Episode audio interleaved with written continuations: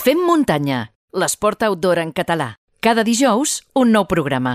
Donem la benvinguda al Fem Muntanya a Rafa Flores. Benvingut al programa, Rafa. Bona tarda, gràcies. Rafa Flores és diplomat en Magisteri especialitzat en Educació Física, té un màster en Bases Biològiques i Assessorament Nutricional Esportiu Personalitzat, és el responsable de trail de la Federació Catalana d'Atletisme, forma part del cos tècnic de la Reial Federació Espanyola d'Atletisme i és entrenador de trail i, a més, és pare de bessonada. Eh, Rafa, d'on treus hores per dedicar-te a tot? Bueno, jo suposo que, com, com molta gent, eh, el meu horari passa de 24 a 48 hores al dia i al final és qüestió d'organitzar-se i de marcar unes prioritats eh, diàries, no? Perquè mm. és que si no tens unes prioritats és, és pràcticament in, impensable poder arribar a, a tot. I en una setmana normal, eh, familiar, mm, què és el que et porta més feina? Eh, la, la, la, la bessonada, eh, la Federació d'Atletisme Catalana, la Federació Catalana Espanyola, la, el planificar entrenaments, eh, el, el magisteri, què, què et porta més feina? Bueno, jo crec que al final tinc la gran sort i, i sóc bastant afortunat de que la feina que faig, eh, la, de, la de mestre en aquest cas, és per vocació, per tant jo ja no ho considero una feina. Sí que inverteixo unes hores, evidentment, com tothom, però no considero una, una feina, al contrari, te diré que és un moment eh, de desconnectar de, de l'atenció de la competició. Eh, després, eh, estar o poder estar amb la meva família, els meus fills, és un moment de, de relax total. Evidentment, els que tenim bessons sabem que el del relax és entre cometes. Sí, en tens poc. Perquè, bueno, eh, com que les mans només ne tens dos i, i no dones per a més, aquí sí que he d'agrair moltíssim a la meva dona pues, suplir esta, esta carència quan, quan necessito fer algunes coses dedicades a la federació o, o als entrenaments o, o a l'espanyola d'atletisme però bueno, és, és una mica una odissea, però al final eh, jo crec que en bona cara i, i relativitzant una mica els problemes que un pot tindre, eh, crec que estic endavant. Mm -hmm. eh, Rafa, a veure, començo... Vull de, de, dedicar la conversa a parlar des de, de, la teva, eh, de la teva faceta com a entrenador eh, i després també de les diferents federacions d'atletisme, tant la catalana com, com la espanyola.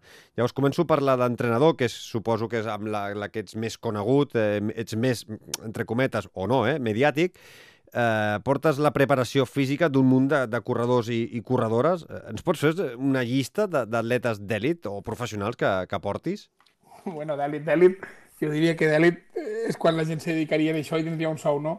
Però bueno, sí, podem dir de, de les primeres espases o, o els primers corredors, començant per la que més anys porto amb ella i, a, i amb la qual he après moltíssim i hem sigut un binomi de que jo he après molt, ella ha rebut molt de mi i, i viceversa com és Ragnar de Bats, mm -hmm. eh, després ja vendria Pere Aurell, que és la seva parella, eh, la llista se sumaria Andreu Simón, se sumaria Eli Gordon, se sumaria Ingrid Ruiz, se sumaria Mònica Vives, eh, Marta Molist, se sumaria Sílvia Puigernau...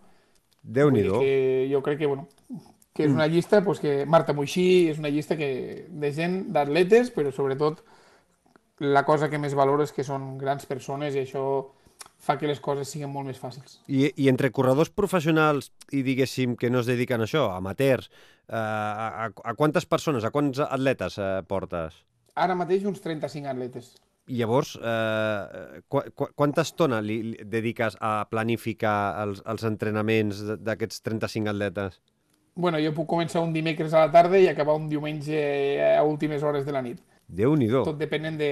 Bueno, del període de temporada que estéssim, del feedback que pugues rebre a través dels atletes i planifiques setmana a setmana eh, les competicions, no? Uh mhm. -huh. Però bueno, ja et dic, és una cosa que, que m'agrada, sí que és veritat que inverteixis temps, ho passem malament quan eh, aquell cap de setmana hem estat de competició i que per tant dissabte i diumenge ja no pots tindre aquell temps que tenies normalment per a poder fer els entrenaments, però bueno, al final la gent eh, entén que, que és la feina a la que no em dedico ni, ni vull dedicar-me, és a dir, i la meva vocació és, és ser mestre i això és un hobby, una passió des de fa, de fa 26 anys i que l'inverteixo molt de temps, però perquè vull, perquè em dóna la gana, perquè disfruto i el dia que això no em motive o no em faci disfrutar, eh, ho tinc claríssim que, que enviaré un missatge als atletes dient que hasta aquí m'ha arribat, gràcies per tot i ha sigut un plaer treballar amb vosaltres. Mm, hi, ha, hi ha molta diferència a l'hora de planificar els entrenaments a un corredor professional o, o, o d'elit, eh, d'aquests primers espases que deies,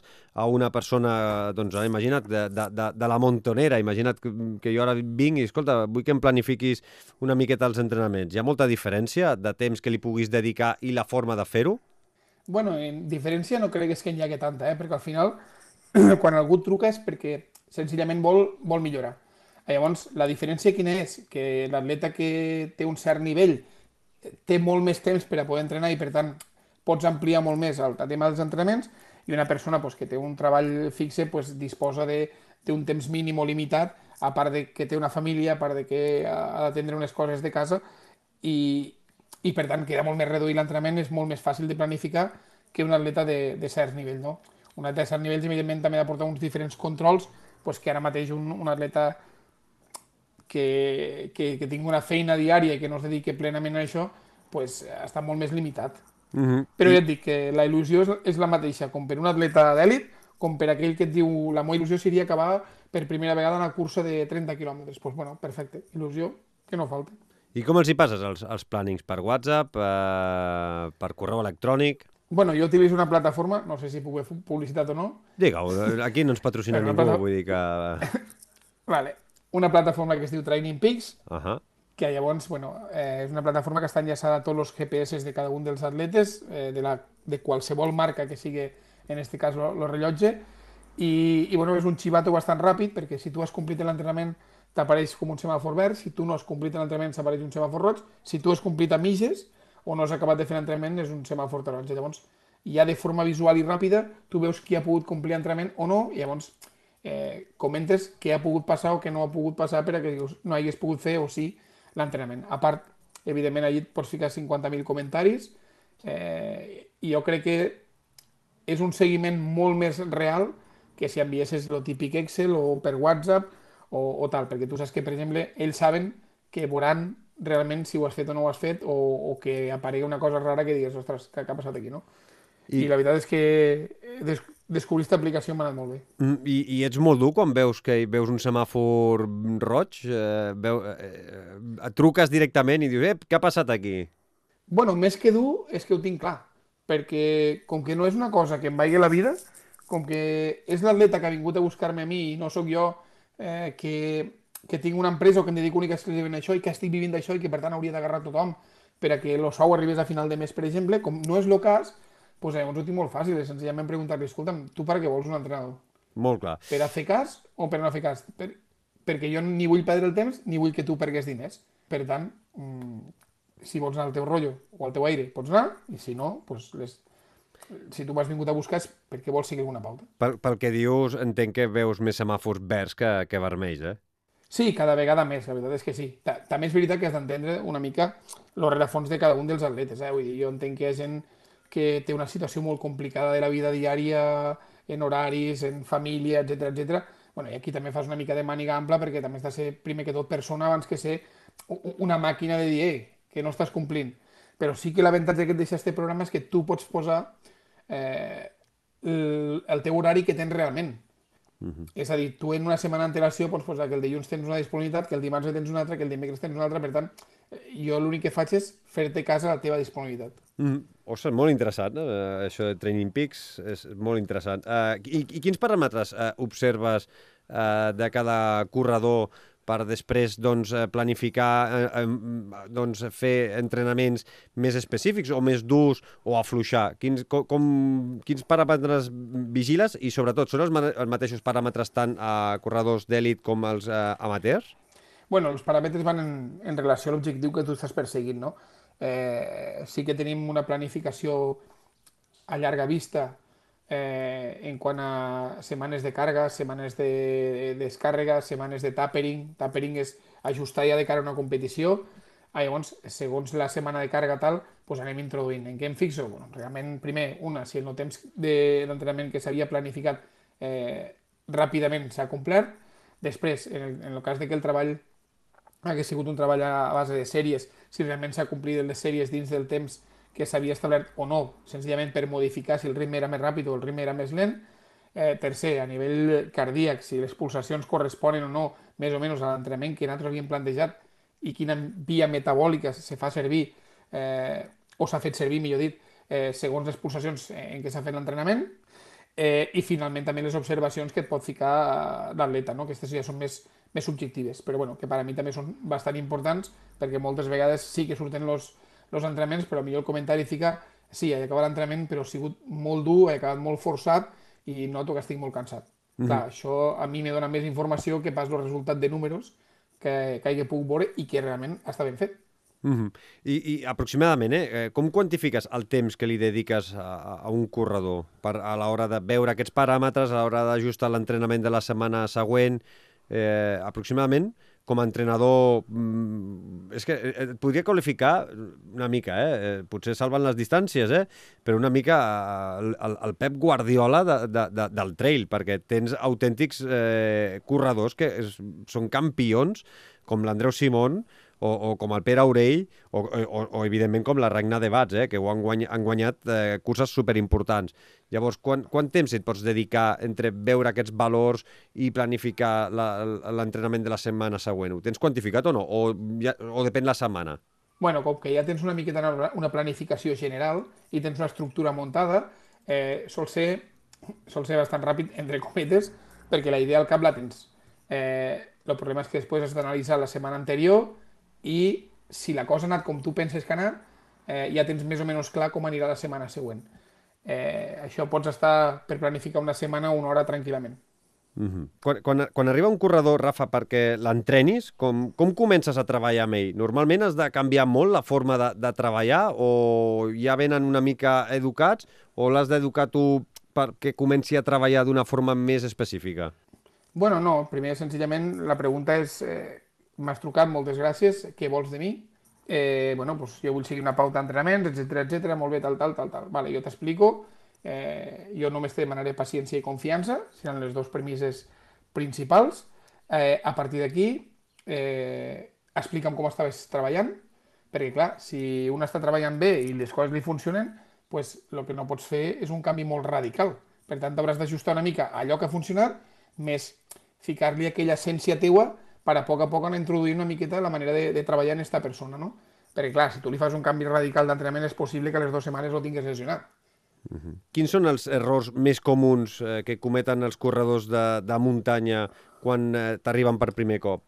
Bueno, jo és que més que errors és que, que jo no faria, no? Perquè al final eh, cada maestrillo tiene su librillo i jo quan algú diu que això no és, no és com s'ha de fer, sinó que s'ha de fer així, jo, jo ja no crec en això.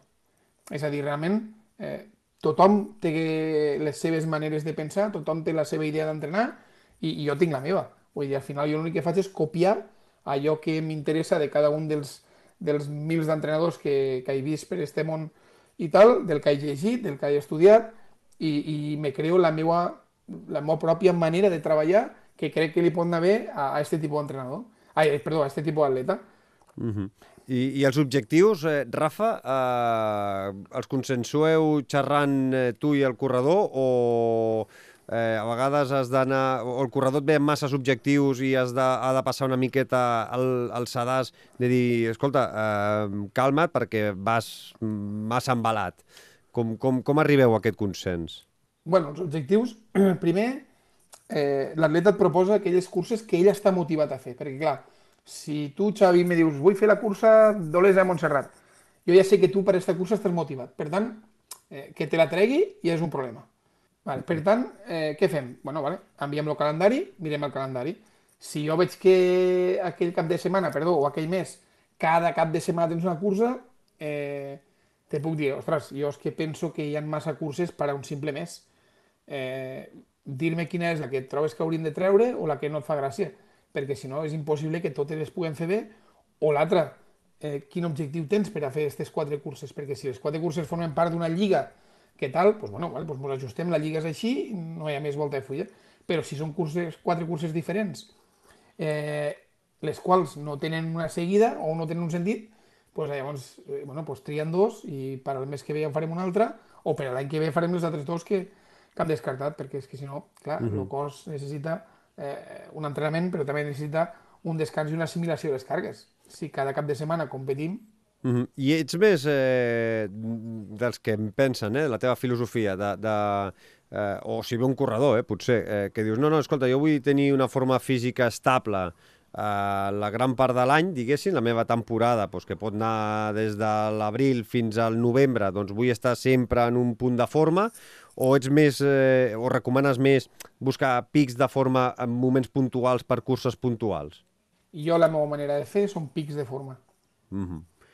I, i... Eh, que un corredor estigui tot l'any a un cert nivell uf, és molt, molt, molt complicat, Xavi, molt. Mm -hmm. I, I més risc de lesions? Eh, evidentment. Sí, el problema està quan estàs més fort. Mm -hmm. I... Per què? Perquè quan tu no està fort, pues no li fa frente res, eh, li truquen de tots els jocs perquè vagi a córrer les curses, l'atleta està inconmensurable i per tant s'ho menjaria tot, vull dir, li sona tot a poc, i llavors és possible que aparegui la lesió i el primer que et digues, ostres, en lo bé que estava, com pot ser que tingui una lesió? Clar, perquè estàs tan fi que és més, estem jugant sempre dalt d'un fil roig que al mínim, al mínim error, pues, lesió. Uh -huh. I ets més de qualitat o de quantitat? Jo de qualitat. Sempre, és a dir, però, en, en general. Jo sóc de qualitat, però no puc descartar la quantitat. Depèn de quin sigui l'objectiu final. Evidentment. Eh, lo que, per exemple, errors que no, no m'agrada cometre. Eh, si jo tinc una cursa en un cert perfil i tinc una altra cursa en un altre cert perfil que no té res a veure una en l'altra, clar, tothom té que tindre clar que els entrenaments no poden ser iguals. No em serveix, eh, per exemple, sempre entrenar per Coixerola quan resulta que una cursa té un cert desnivell i resulta que l'altra cursa eh, pràcticament no té desnivell. Uh mhm. -huh. Per posar un exemple, no? Eh, llavors, la, la grandesa d'aquest món de, del trail és que cada cursa és diferent i per tant que els entrenaments poden ser totalment diferents. Mm -hmm. Molts entrenaments els planifiques eh, per fer-los en, en pista. Ho hem vist amb els reportatges, per exemple, de, del Pere Aurell i la Ragna de Bats, eh, parlant amb alguns eh, corredors dels que portes, amb l'Andreu Simón... Què aporta la, la, la pista mm, per un corredor de muntanya? Eh, velocitat? Eh, aquí, xispa? És bàsic poder entrenar en pista? Bueno, al final Xavi, les curses se resumeixen en una cosa, en què sempre guanya el més ràpid.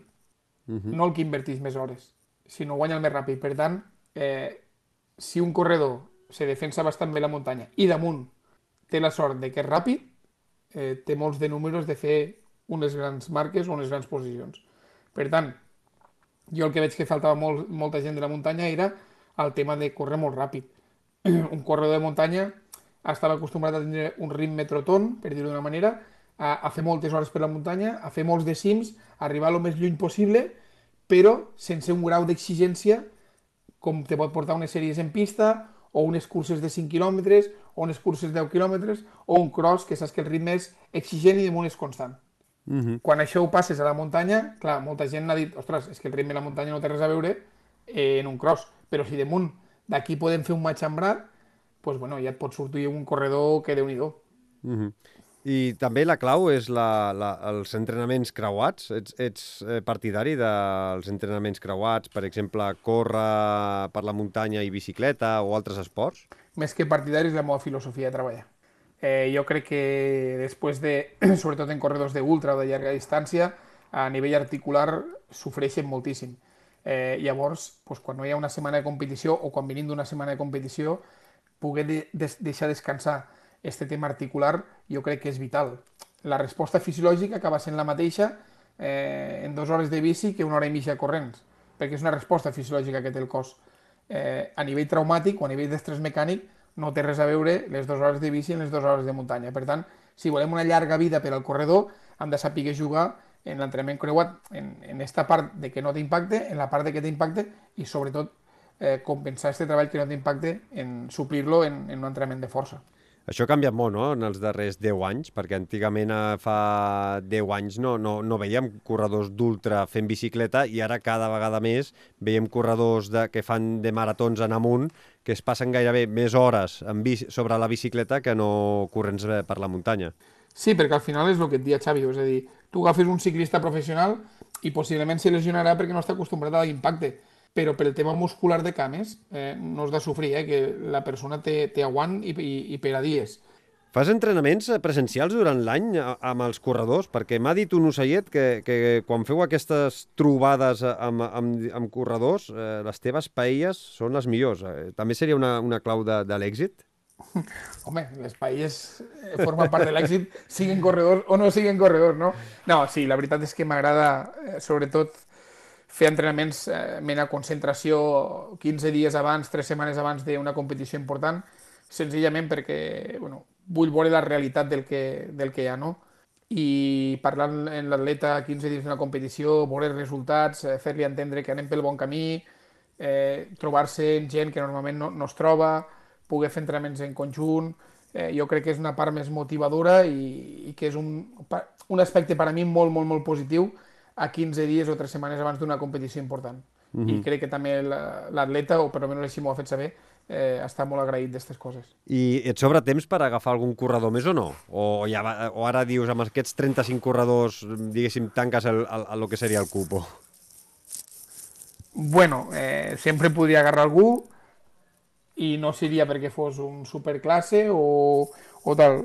Possiblement, millor perquè, perquè me cau bé, perquè eh, veig que és una manera de col·laborar amb algú que potser no té recursos, o, o etc etc. O sigui, al final, ja et dia, Xavi, com que això no em dedico ni, ni, ni em vull dedicar professionalment, eh, faig, entre cometes, i perdoneu l'expressió, el que em dóna la gana. Ben fet. Eh, I quina és la sensació, o que, com a entrenador, quan un corredor al que entrenes guanya una carrera important o és campió d'alguna competició important, la disfrutes igual o més que, que el propi corredor, o què? Bueno, jo sóc una persona molt, molt sentimental, d'emocions molt fortes, molt visceral, eh, i si detrás d'alguna victòria hi ha hagut un treball, un esforç, hi ha hagut uns dies de tensió, etc etc, pues soc dels que quan arriba a meta el corredor i la cosa ha sortit bé, pues, de plorar com una magdalena. O sigui, jo recordo el 2018 l'entrada de Ragnar de Batzameta i quasi me deshidrato, no? Plorant. Eh, però clar, detrás de tot això hi havia un treball de 8 anys, hi havia un treball de molta tensió, d'un objectiu molt clar, eh, d'una llarga espera per a que arribés aquell dia, i al final, bueno, quan veus que l'atleta creu a la línia de meta, penses que aquell treball ha valgut tot la pena, no? Com Andreu Simón, quan va fer segon a l'OCC l'any passat, no? venim d'unes setmanes de molta tensió, de dubtes, de no saber si arribava bé, si no arribava bé, de que havíem tingut un constipat, eh, etc etc. Clar, quan arriba a segona meta detrás d'un crack com és Stian Argenmur, pues, eh, l'emoció va explotar, no? va explotar. I la veritat és que són coses que, no sé, jo sóc d'emocionar-me, sóc persona i, i m'agrada compartir els moments en els atletes, tant els bons com els dolents, i, i disfrutar del que faig. Mm -hmm. El dia que no disfrute ja et dic, Xavi, que, que aquell dia pues, serà tot diferent i, per tant, s'haurà de fer un pensament. Eh, Rafa, aquest eh, primer bloc eh, com a entrenador l'acabo amb algunes preguntes que ens han fet arribar alguns oients que formen part de la comunitat Fem Muntanyera a Telegram. El Fran, per exemple, em diu eh, em semblaria interessant saber com els pros planifiquen una carrera perquè tinc entès que gent, per exemple, com Pau Capell, eh, sap el dedillo on i com apretar en cada moment de la cursa. Ajudes a preparar l'estratègia en una cursa, Rafa? És la meva part principal, l'estratègia. No només entrenar, sinó jo també si, no, no, només, no només entrenar, sinó també preparar on apretar, on afluixar, on recuperar, on poder habituallar-se bé. Sí, la part d'estratègia tant a la Federació Espanyola com a la catalana és responsabilitat meva. Ah, llavors, eh, en cada corredor o en cada atleta el tema de l'estratègia per a mi és vital. És a dir, quants més factors puguem controlar, tant intrínsecs com extrínsecs, eh, més possibilitats de que la cursa surti bé. Quan te parlo de controlat estic parlant des de l'avituallament, des de les entrades i sortides dels avituallaments, on estirà situada la taula, de quina manera estirà distribuïda els aliments damunt d'una taula, del temps climatològic que podem trobar durant la carrera, perquè depèn de quin lloc estigués, em saps que a la una del migdia pot fer molta calor o no, o que a les 3 de la tarda pot estar plovent o no, eh, i per tant, tot això ho vull tindre controlat. Uh -huh. Uh... Saber la distància que hi ha des de l'hotel fins a la línia de sortida, per si a cas eh, sabem que, ostres, doncs pensàvem que està més a prop i està més lluny, no, vull saber-ho, eh, tindre emissores escampades pel circuit per a tindre un control dels diferents corredors o dels rivals que puguem tindre, eh, tindre una persona a un quilòmetre dels avituallaments per a que m'informe de com va estar la situació per a jo poder transmetre al corredor al moment de sortir l'avituallament quina és la seva posició respecte als, als pròxims rivals o si realment el corredor necessita alguna cosa que no tenim l'avituallament preparada, preparar-la en aquell moment i tindre un marge de 5-6 minuts per a preparar aquesta cosa.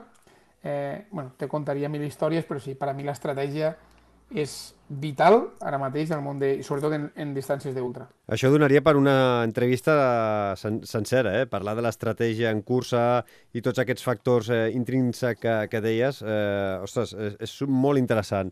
Eh, per exemple, una altra pregunta que ens fa arribar al Baren, pregunta, un objectiu d'entrenar és millorar, però si per edat o altres raons ja no pots millorar, com s'estructura els objectius per poder tenir un bon rendiment òptim i relatiu? bueno, al final un rendiment òptim relatiu, eh, quan parlem de rendiment vol dir de parlar de millorar sí o sí. Eh, llavors l'únic que s'ha de fer és un estudi d'aquesta persona, de la disponibilitat horària que té, de saber quin marge poden tenir més o menys de, de millora o senzillament d'intentar dir, bueno, anem a treballar així perquè la idea és mantenir-nos en aquest cert nivell i intentar que no baixe eh, este nivell, no? Uh -huh. uh, L'Abel Garcia pregunta, calen protocols d'alt rendiment per l'esport femení? Jo crec que sí. I, i cada vegada ho estem, ho estem veient més, no? O sigui, a vegades donem la sensació que l'important és córrer, córrer, córrer i els resultats. I ens deixem de banda una part important de, de, de sobretot en, en les noies, de, de la part eh, menstrual, de com afectaria a nivell, a nivell hormonal, no en un present, perquè en, un present pues, és fàcil de solucionar, sinó en un futur, eh, el tema de la menorrea, eh, jo crec que és una cosa que hauríem de ficar-nos una miqueta serios. Sé que Clàudia Sabata, per exemple, és, eh, té un treball, un estudi molt, molt interessant sobre, sobre este tema i crec que s'hauria de portar a terme i hauria de ser conegut per moltes corredores, perquè si no després tenim problemes eh, de bulímia, tenim problemes d'amenorrees, tenim problemes d'osteoporosis, eh, tot perquè al principi teníem uns resultats excepcionals i després una vida bastant frustrada. Uh -huh. I acabo amb una altra pregunta del Víctor Ruiz, que en fa dues ràpides. Quina opinió tens sobre el Bosso? Perquè hi ha qui diu que va molt bé i altres que diu que ens van colar un gol comercial i que no dona resultats. I la segona pregunta és si per entrenar la força cal anar al gimnàs o amb un mínim d'equipament a casa es pot fer. Bueno, lo del Bosso jo crec que al final és un complement. O sea, no, no, no, ni han venut res ni, ni és la, la gallina dels huevos d'oro. O sea, és un complement que si el tens va bé, però si no el tens també hi ha substituts per a poder-ho fer. Eh?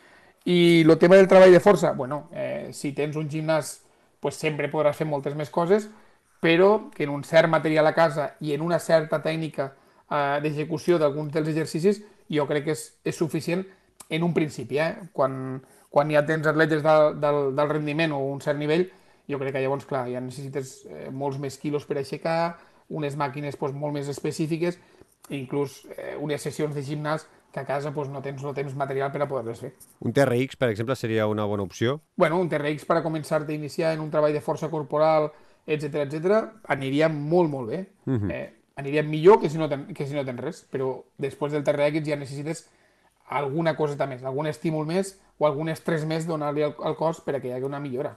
Eh, Rafa, acabo amb el tema d'entrenadors. Eh, què en penses de l'intrusisme que hi ha en aquest món eh, que qualsevol persona sense una titulació oficial doncs, eh, planifica i porta corredors?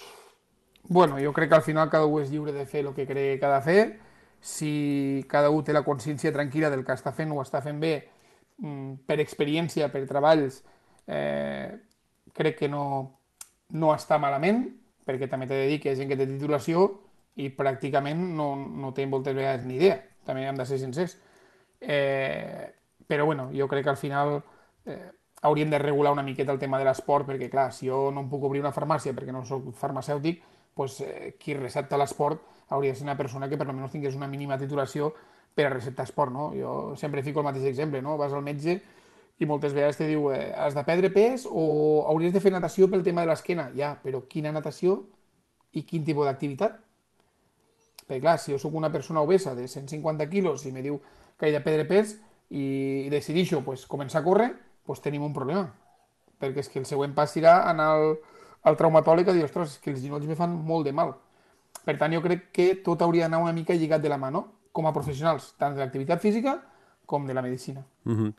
Parlem eh, aquests darrers minuts. Eh, ets responsable de trail de la Federació Catalana d'Atletisme. Quin, quin paper tens eh, dins la Federació Catalana? Bueno, un paper molt fàcil, mira, el de màxim responsable de trail. Seleccionar corredors, per exemple? Perquè la gent ho sàpiga, eh? perquè a vegades, a, a vegades és poc conegut la, la, la, la teva tasca dins la federació i és una miqueta perquè ens expliquessis no? que, a, a, quin, quines, quin és el teu paper, quines són les teves tasques com màxim responsable. Bueno, sabeu que és una secció pràcticament nova que ha entrat a la, a la Federació Catalana d'Atletisme des de fa dos o tres anys. Eh, les curses de muntanya de la Federació Catalana d'Atletisme ja fa 10 o 12 anys que existien, només hi havia una cursa, un campionat, i clar, havies de començar de zero en un reglament, en un, organitzar un calendari, eh, organitzar uns criteris de selecció, eh, organitzar una selecció catalana, organitzar uns campionats de Catalunya de, de les diferents especialitats que tenim, és a dir, eh, han partit de zero, zero, zero, i per tant el treball que s'ha fet tant de la comissió de trail, als companys als, als que estic agraït i encantat de la vida d'haver ha pogut aconseguir reunir cinc persones com les que som a la comissió de, de trail, treballadors incansables i mai un no per resposta, la veritat és que estic eh, encantat de la vida, però sí que és veritat que tenim molta, molta feina i, i a part cada dia és molta més feina, cada dia són les curses que creuen més en la Federació Catalana d'Atletisme amb el sector de trail i la veritat és que tenim moltíssima il·lusió perquè això tiri endavant i més quan tu mateix has creat aquest embrió, no? Mm -hmm. I, I eh, també et dediques a seleccionar els corredors que després aniran a diferents proves o no? Més que seleccionar els corredors, jo sempre he sigut del parer de que tothom que té la llicència eh, per a córrer ha de saber o ha de tenir la possibilitat de formar part de la selecció catalana. Per tant, què vol dir això? Que els criteris de selecció han de ser molt clars, transparents i visibles per a tothom. Eh, Xavi, a tu et faria il·lusió anar a la selecció catalana. Entres a la pàgina de federació i saps que per anar a la selecció catalana has de córrer el Campionat de Catalunya. Si quedes els dos primers, ja tens la plaça directa. Si no, hauràs de participar en tres o quatre proves més i si vas primer de la Lliga Catalana de Trail, pues, eh, aniràs a la selecció catalana. I els altres dos són a criteri tècnic, però sempre fixant-nos en les curses organitzades per la Federació Catalana de Trail. Eh, D'esta manera, tu pots dir si estic en forma o, o si tinc possibilitats, sé què he de fer per a poder anar a la selecció catalana. I això sí que sempre he sigut de les persones que eh, he pensat que els criteris han de ser clars i la gent ho ha d'entendre. I la, I la teva resposta ha sigut claríssima. Eh, com veus la base de trail a, a Catalunya? Bueno, la base de trail jo crec que s'està fent un bon treball per part de, de la Federació d'Entitats Excursionistes de Catalunya des de fa molts anys, això és innegable i el treball és intachable, o sigui que jo crec que el treball que feia Fernando de Rosa, ara que està fent Pere Rullant, eh, és un treball eh, exquisit, vull dir, ells eh, han creat la, la base de la Federació de, de Muntanya, de, de, la Federació d'Entitats Excursionistes de Catalunya a nivell de, de muntanya, i, i bueno, nosaltres ara el que hem de fer és continuar treballant per a crear la nostra pròpia base que sortiran d'un altre tipus de sector, que, que és pràcticament del cross i, i de l'atletisme, i, i la veritat és que bueno, només fa falta veure els resultats a, a Jaén, a l'últim campionat d'Espanya de, de curses per muntanya, l'èxit que va tindre la, la, la selecció catalana, no? Va ser espectacular, ja ho vam parlar aquí amb, amb eh, l'Albert Torrent d'ultrascatalunya.com. Eh, hi ha bona relació amb, eh, entre la Federació Catalana d'Atletisme i, i la FEC? Vull dir, perquè a vegades, a, a, com a mínim a Espanya, entre la FEDME i la Reial Federació Espanyola d'Atletisme, amb algunes coses hi ha com eh, tibantors, no? Aquí a Catalunya també o la cosa és més tranquil·leta? Bueno, nosaltres hem rebut unes quantes denúncies per part de la FEC. Eh, jo és un tema que la veritat no, no, no, no, li, no li dedicaré ni 5 minuts a, a, a perdre el temps. És una pregunta que m'ha fet Xavi te contestaré, evidentment. Eh, jo vull fer bé la meva feina, jo vull que la meva federació faci bé la feina i que al final siguin els atletes els que jutgen, eh, o sigui, és, és a dir, els jutges de que vulguin vindre o no vulguin vindre les competicions que organitza la Federació Catalana d'Atletisme. Jo et puc dir que com a Rafa Flores, entrenador, o com a màxim responsable de la Federació Catalana de Trail, mai posar entre l'espasa i la paret un atleta que decideix que si va una, a una federació o a una altra. Mai és mai, eh, perquè no sóc qui per a tallar les ales del futur corredor o, o de qualsevol corredor que em, decidi, que em digui vull anar a la FEC o vull anar a la FEDME. Eh, jo he d'estar en la FEC i he d'estar en la FEDME perquè tinc molts de corredors que tenen un perfil de FEDME, un perfil de FEC i tenen un perfil de Federació Catalana d'Atletisme o de Real Federació Espanyola d'Atletisme un exemple clar és que ara el Campionat d'Espanya d'Ultres eh, de la FEDME mitja selecció catalana l'entreno jo. Si jo fos una persona que no tingués ganes o volgués anar en contra de la FEC, eh, automàticament diria als corredors que no anessin. Eh, no ho penso fer, és una manera que tinc clara, perquè els atletes, tot allò que es puguen trobar i sigui positiu per a ells, ho han de fer i inclús hem d'ajudar-los a que sigui possible i, i com li vaig comentar alguna vegada per, per WhatsApp a Pere Rullan que pot comptar amb mi eh, i en els atletes sense cap compromís de res. Vull mm -hmm. dir, això ho tinc claríssim i, i, i ja et dic, en una discussió no, no penso perdre el temps eh, que si això és millor, si aquesta federació és millor o l'altra és millor, eh, jo crec que això ho, ho decidiran els mateixos corredors. Jo l'únic que vull fer és la meva feina bé i seran, ja et dic, com te deia abans, Xavi, els corredors que diran pues, s'està treballant bé o realment som un desastre. Mm -hmm. I, I ja està. Mm, i, i, i com a cos tècnic de la Federació de la Reial Federació Espanyola d'Atletisme, les tasques són molt diferents a les que portes aquí a Catalunya o són similars? Bueno, són eh, similars i alguna cosa és diferent. Jo estic d'assessor de, de, del màxim responsable de, de trail, de Juan Carlos Granado. Correcte. Eh, bueno, jo, jo li aporto l'experiència, eh, li dono les meves opinions i ell pues, bueno, sempre les valora les valora bastant. Crec que formem un bon equip, tenim les idees molt clares els dos i coincidim en, al 90% en les idees que portem a, al trail. És una cosa que ja a nivell català ho intento aplicar perquè pensem el mateix i a nivell espanyol ha de ser el mateix i la veritat és que bueno, és una, per a mi és estar d'assessor a la Federació Espanyola i, i poder estar en contacte amb els atletes que tenim del nivell i, i ser responsable d'una part important de, d'esta federació doncs, per mi és, és un somni complet, eh, una il·lusió desmesurada i amb moltíssimes ganes de treballar pel, pel benefici sobretot de, del trail, però com, com te deia abans, no? pel benefici dels atletes que al final no ens enganyéssim, qui són els protagonistes realment de les curses són els corredors, o sigui, al final els, els entrenadors tenim el paper principal d'actor secundari. Mm. I, I ara et dono una, demano una opinió personal teva. Eh? Eh, creus, des del teu punt de vista, que seria positiu unificar les competicions eh, entre la FEDME i la Real Federació Espanyola d'Atletisme. Ho dic des d'un punt de vista de, com a seguidor jo, eh? eh que m'és difícil a vegades saber si la competició que s'està fent a vegades és de la Federació d'Atletisme, si és de la FEDME, si és el quilòmetre vertical, és la Campionat d'Ultras, la Copa Lliga... La... No... Llavors, no sé si seria... Eh, eh, via... Ja no dic viable perquè veig difícil eh, la viabilitat, però tu creus que pel seguidor de corredors de muntanya doncs, eh, unificar criteris i unificar competicions seria positiu? Per part de la Federació Catalana d'Atletisme, damunt de la taula hi ha una reunió com vulgueu. I a Espanya és diferent. A Espanya ja és més complicat tot plegat. Eh, jo parlo del que tinc a casa i te puc dir que per part meva no hi hauria en cap moment cap problema per a trobar una reunió i arribar a un consens. Eh, L'altra part no ho tinc tan clar. Mm.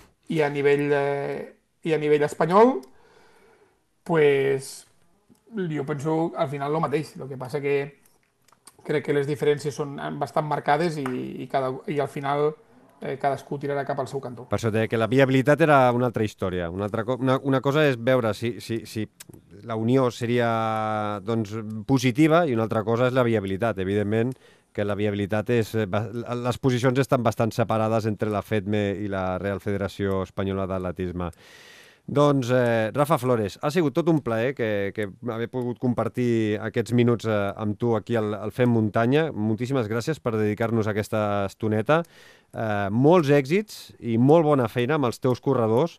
I el tema de l'estratègia li dedicarem una altra, una altra estoneta perquè està molt bé i jo crec que a molta gent eh, podrà aprendre doncs, eh, quins, eh, quines cosetes pot tenir en compte eh, per eh, doncs, que la cursa li surti rodona. Com deia, moltíssimes gràcies, Rafa. Cuida't i una abraçada forta. Salut! A tu, Xavi, per pensar-hi. Merci. Visita la nostra web femmuntanya.cat